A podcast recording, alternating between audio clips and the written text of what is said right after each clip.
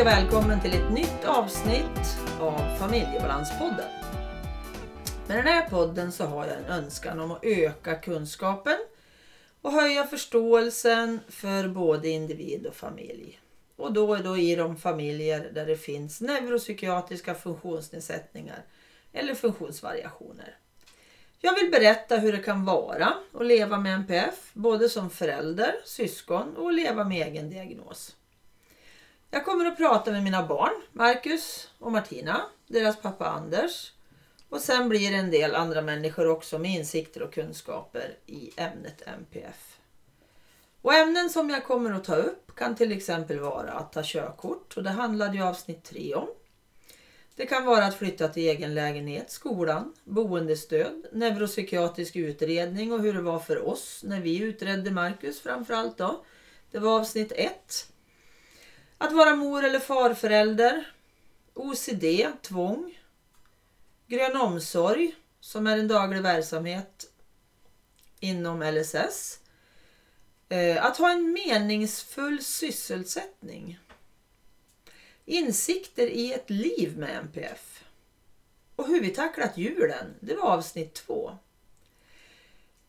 Det kommer att handla om ångest, om mina bokdrömmar och en massa andra ämnen kommer att dyka upp under tiden framöver. Ann-Katrin Noreliusson heter jag som driver den här podden och jag är mamma till två vuxna barn med NPF.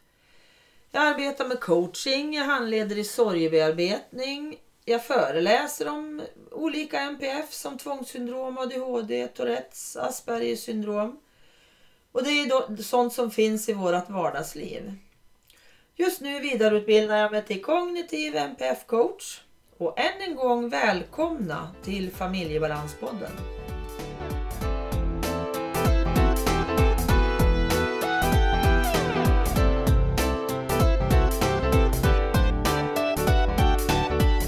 Ja, idag så är det Marcus och jag som kommer att prata. Och vi kommer att prata om värdet av att ha en sysselsättning.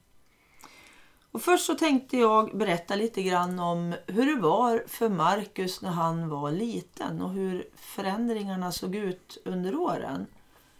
För när du Marcus var eh, sju år, då påbörjades ju utredningen av eh, ADHD för dig. Mm. Och det pratade vi om i avsnitt ett, pappa och jag.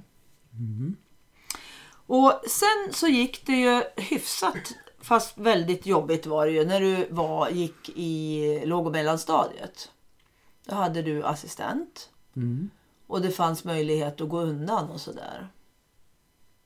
Men under högstadietiden var det jobbigare för det var mycket mer som hände runt omkring dig och det var ganska rörigt i skolsituationen för dig. För det fanns ingenstans att gå undan då utan då hamnade ni i korridoren.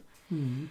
Och sen var det gymnasiedags. Där så var det ju en tid för dig som blev ännu jobbigare. Det vart friare, du hade ingen assistent under de här åren i gymnasiet. Och till slut så sakteliga så gick du mot att bli en hemmasittare. Mm. Så efter tre år på gymnasiet som eh, var slitsamma för dig mm. så blev du sittande hemma. Ja. Och eh, det var väldigt jobbigt för oss allihopa att se dig må så dåligt och sådär. Så att eh, jag tänkte, det, vad har du för åsikter om att ha en, eller tankar om just det här med att ha en sysselsättning? Ja, det är ju A och O för ett eh, välbefinnande enligt mig och ha någonstans att vara så man inte blir fast i att sitta hemma för det gick väl an de första åren men efter ett tag så går man in mer och mer i sig själv och det blir som en ond cirkel till slut. Och när man inte har någon dygnsrytm eller någonting som är Ja, det som håller en kvar i liksom ett eh, sunt liv. Allt sånt försvinner ju. Ja det blir lite värdelöst liv på något vis. Ja. Och du blev ju räddare och räddare ja. för omgivningen. Från att ha varit en social individ när du växte upp. För det minns jag då i början på högstadiet så var jag ju väldigt social, hade kompisar, åkte buss flera mil från stan. Mm. Men sen efter alla år som jag bara varit hemma så vart det ju till slut ingenting. Så bara gå till affären ett kvarter bort var ju nästan en omöjlighet. Mm. Med allt vad socialt samspel heter. Och, Ja, och från början så var det ju att du satt ju hemma hos oss i Tunbyn där du har växt upp. mm. Du satt ju där i kanske en par år va? ja, Hemma i det- ditt rum alltså. Ja, från det jag slutade gymnasiet när jag var 18 tills att jag flyttade hemifrån i 20-årsåldern. Ja, precis. Så två år satt du först hemma hos oss i ditt rum. Mm. Och sen så kände jag att du behövde flytta. Mm. Och det kommer vi att prata om i ett annat avsnitt, hur, hur det gick till. Mm. Men eh, flytten i alla fall, då var du 20 år, det är fem år sedan nu. Mm. Och då var det två år ungefär som du satt hemma i lägenheten också och bara var jätteisolerad. Det var ju liksom bara jag och pappa som kom dit egentligen. Ja. Och boendestöd då. Ja. Men eh, det blev ju ohållbart till slut. Så att vägen ut var ju att vi, jag började leta efter vad finns det att göra för en person som du som bara sitter hemma Mm. och inte törs gå utanför dörren nästan mer än att någon trygg, annan trygg person finns med. Mm. Så då uppsökte vi något, eller jag ringde väl och hittade det här som heter HRC då, i Hudiksvall, Hudiksvalls resurscentrum. Mm. Och dit, vi fick en tid att komma dit. Så du och jag gick dit Mm. och där så fick vi information om vad det fanns för olika verksamheter. Jag minns inte så jättemycket av det men att vi var dit och fick information och, Mm. Och jag kan tänka mig att det kändes väldigt långt bort och nästan omöjligt att göra något sånt. Ja, det var mycket övertalning för att få med dig dit överhuvudtaget. För du ville inte. Mm. Du ville ju egentligen Ut och komma vidare men steget var så stort. mm. Och just att du hade varit hemma så länge. För då hade du suttit hemma instängd i fyra år. Och vi visste ju ingenting om vad som fanns. Nej. Så att eh, vi gick ju dit för att få den här informationen. Och så eh, fick vi veta att det var, det var ju, jag kommer inte riktigt ihåg vad alla möjliga ställen det fanns. Men det du började fundera på då, det var ju ett ställe utanför stan som har grön omsorg. Precis nystartat Ja, då. De hade alldeles nyss startat. Det här är ju tre år sedan då. Mm. drygt. För det var någon gång i augusti tror jag vi var dit. Och på Mm. det här HRC och träffade personen där, då handläggaren där. Och eh, det har ju, från början så, vi åkte väl dit och hälsade på. Ja, Kommer du ihåg det första gången vi får ja dit? lite svagt tror jag att jag minns. För det tyckte ju du då ändå att det kändes okej att prova i alla fall. Och så är det ju så, det här med grön omsorg. Det startade i Norge, det här konceptet. I slutet av 1990-talet.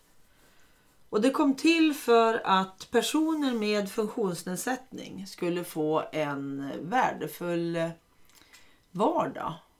Det är måndag till fredag som det finns här i krokarna eller i Sverige. Och eh, det var meningen att det skulle bli en tydlig dygns och årstidsrytm för människor med funktionsnedsättning. Och du har ju den här dagliga verksamheten då via LSS. Mm. Det är de som har beslutat att du ska ha den här. Och Per Larsgården då i Norrbo, där är det ju dit som du åker. Ja. Och berätta lite vilka djur och sådär det finns. Ja, för tillfället så har vi ju tre hästar. De som är jag håller på med mest då. Även har vi tre grisar, en gäng höns Men här grisarna äter man inte upp va? Nej, det är ju mer som sällskapsdjur. Så det är två kultingar nu och en äldre gris. Eller äldre och äldre, han är tre år. Mm. är ju äldst. Mm. Och så har vi ett sex stycken kaniner, tror jag. Och eh, ett gäng får. Och lite hönor va? Det sa jag, Sa du det? tror jag. Ja, det är höns och lite tuppar och... Ja, en Så. fem tuppar och 17 hönor. Ja, är det så många nu? Mm. Mm. Men från början då när du skulle börja åka dit. Mm. Då var det ju det mest optimala för dig var ju att vi, pappa jag, skjutsade dig. Mm. Och då var det väl bara en dag, tror jag. Det var en timme i veckan. Från allra första början. Mm. Vi var där i en timme och så fick du åka hem sen för att Mm. det räckte för dig då. Ja. Det var ett jättesteg att åka ut från lägenheten och ut Mm. två och en halv mil utanför hemmet. Mm. Sådär. Och sen så övergick det ju till att det var eh, ditt boendestöd som skjutsade.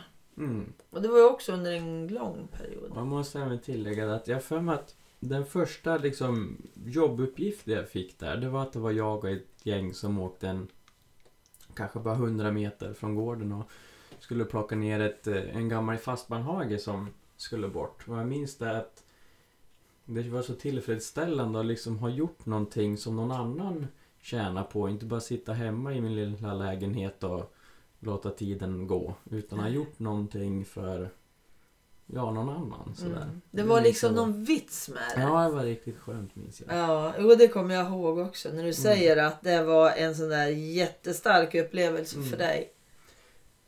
Att det fanns en mening med den där sysselsättningen. Ja. Att den där fastbandhagen behövdes tas ner. Ja, Och ni gjorde det. Precis. Men berätta om några fler sysslor. Vad gör ni för någonting? Liksom? Vad gör du med hästarna till exempel?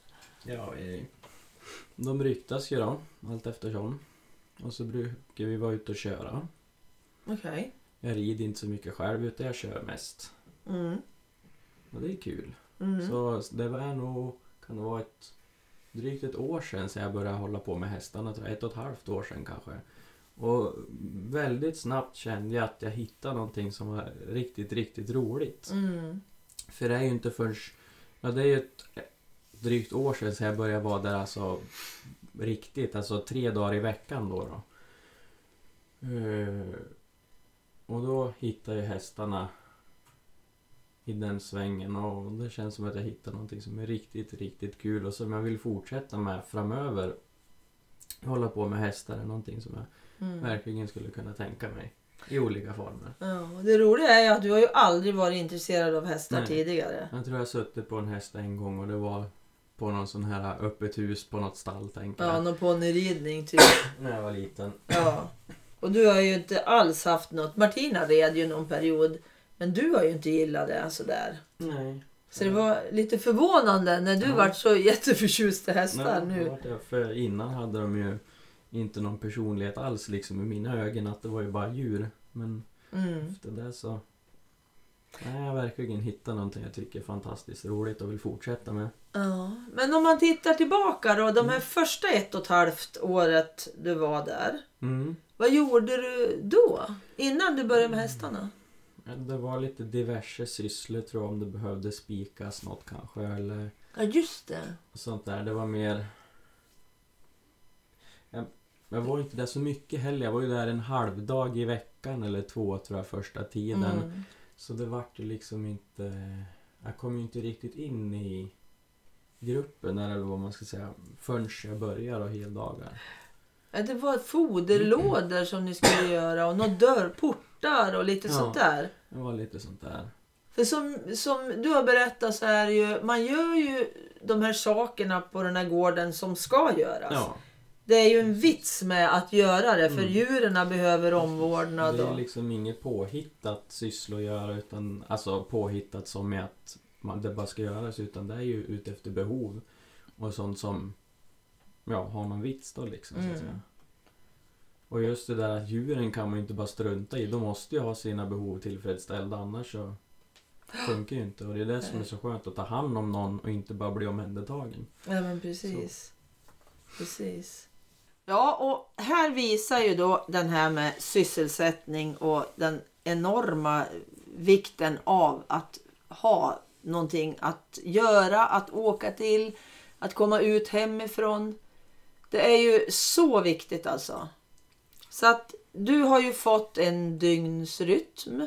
Ja, och just dygnsrytmen är ju det absolut viktigaste för att resten ska fungera. Mm. Så i och med att dygnsrytmen kom så har jag haft möjlighet att liksom vara med er, Mm. vaken med andra och att jag var utsattes inom citationstecken för att vara ute bland folk då i och med grön omsorg och det så har jag ju blivit trygg så jag kan gå och handla Mm. successivt mer och mer då. Själv och kunna vara på stan som var en omöjlighet innan. Ja, det var lång planering för att ens Mm. komma till apoteket. Ja, Som du Ja. var tvungen att göra för din medicin. och varje gång jag skulle till frisören och sånt var ju en jätteprocess. Ja. Jag tänkte på hur din dygnsrytm såg ut innan. Då kunde ju du vara vaken i 30 timmar. Det var ingen ovanlighet utan att det kunde gå säkert 24-30 timmar. Och så sov jag och till slut kanske jag kom in så jag vaknade vid 10 på förmiddagen och sen kom i säng vid 10 på kvällen. Men då sov jag ju kanske till 7 dagen efter. Och sen det var liksom ingenting som höll och de gångerna jag försökte lägga mig och till kvällen och komma upp på morgonen så var det ändå lönlöst just att det var ju ingenting som reglerade. Så det var ju helt Nej, ingen liksom, det är ingen ordning. nej. Så jag var vaken på nätterna och kunde lägga mig klockan ett på eftermiddagen så det var ingenting. Det var ju lite svårt för oss också då. Vi hade ju Ja. inte någon vettig kontakt mer än att du ringde lite när som helst under dygnet. Nej, precis. Och ofta mådde du ju väldigt dåligt också för du Mm. kände ju dig ganska kass när det inte funkar liksom. Och det var det som kändes så fruktansvärt tydligt sen jag fick efter ett tag då kom in i en riktig dygnsrytm som jag verkligen kände vikten av att vara vaken när det är ljust och sova när det är mörkt och alla andra sover. Så jag har inte haft en lockning alls eller vad man ska säga att vara vaken på nätterna som jag till en början tyckte var skönt förut. Mm. Men kommer du ihåg varför det var så skönt att vara vaken på nätterna? Inte Från början? rikt- Inte riktigt. För då sa du ofta när jag frågade dig, men varför går du inte och lägger dig? Det är så lugnt. Det är ju ingen annan vaken då. Nej, det är sant. Mm. Det var så tyst och, och det var ingenting som störde. Nej. Det var bara du liksom. Men på något vis så kändes det som att till slut blev det ensamt det där istället. Mm. För när vi sov då var du vaken och tvärtom. Och just det där för att vara vaken på nätterna, det blir ju också en grej som avskärmar en mer. Mm.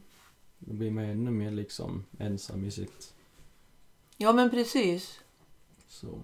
Ja, ja det det- skiljer en ifrån det övriga samhället Det liksom. är en tid jag är väldigt glad att vara förbi. Ja. För nu har jag haft en riktigt bra dygnsrytm de sista åren. ja. Och ett meningsfullt liv. Framförallt ja. Mm. Precis. Och du ser liksom framåt idag att det finns möjligheter och en plats för dig också. Mm. Och att För- jag vågar ta plats. Ja, För det vågar jag. Kunde jag inte förut. nej.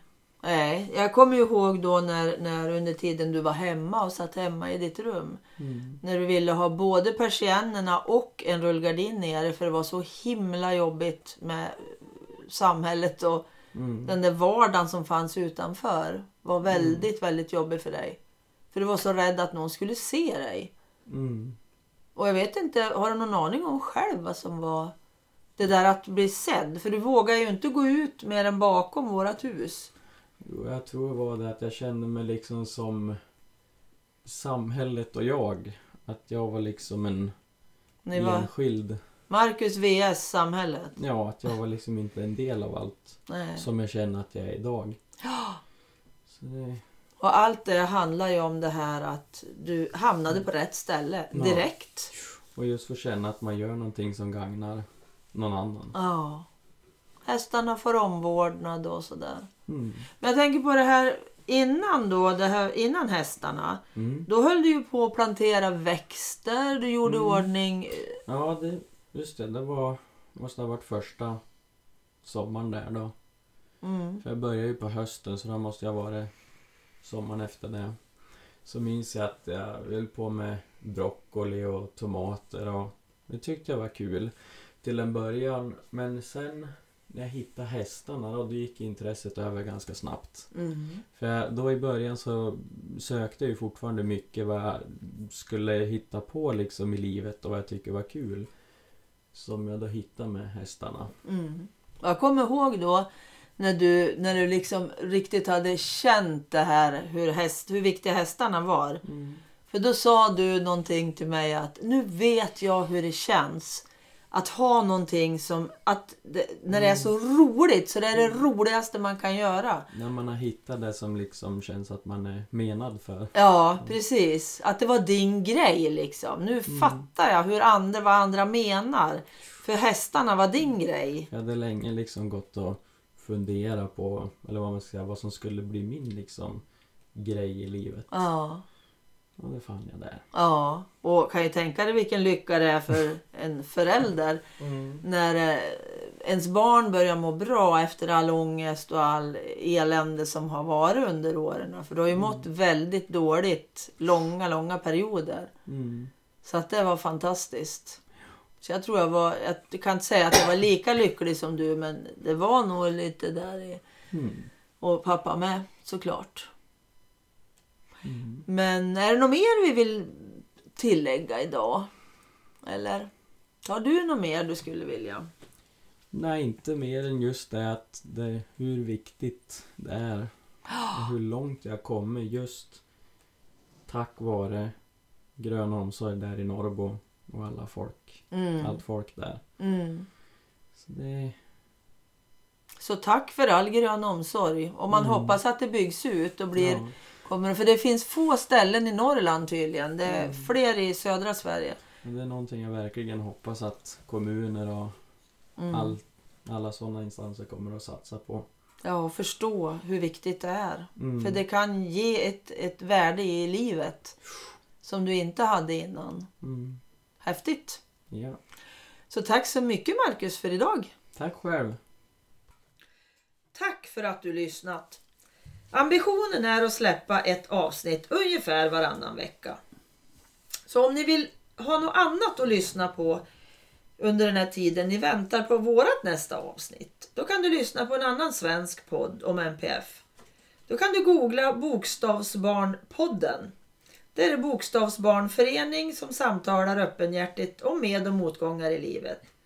Jag vill skicka ett tack till Pelle Zetterberg som gjort musiken, till Pernilla Warman för fotot och Marcus som gjort loggan till podden.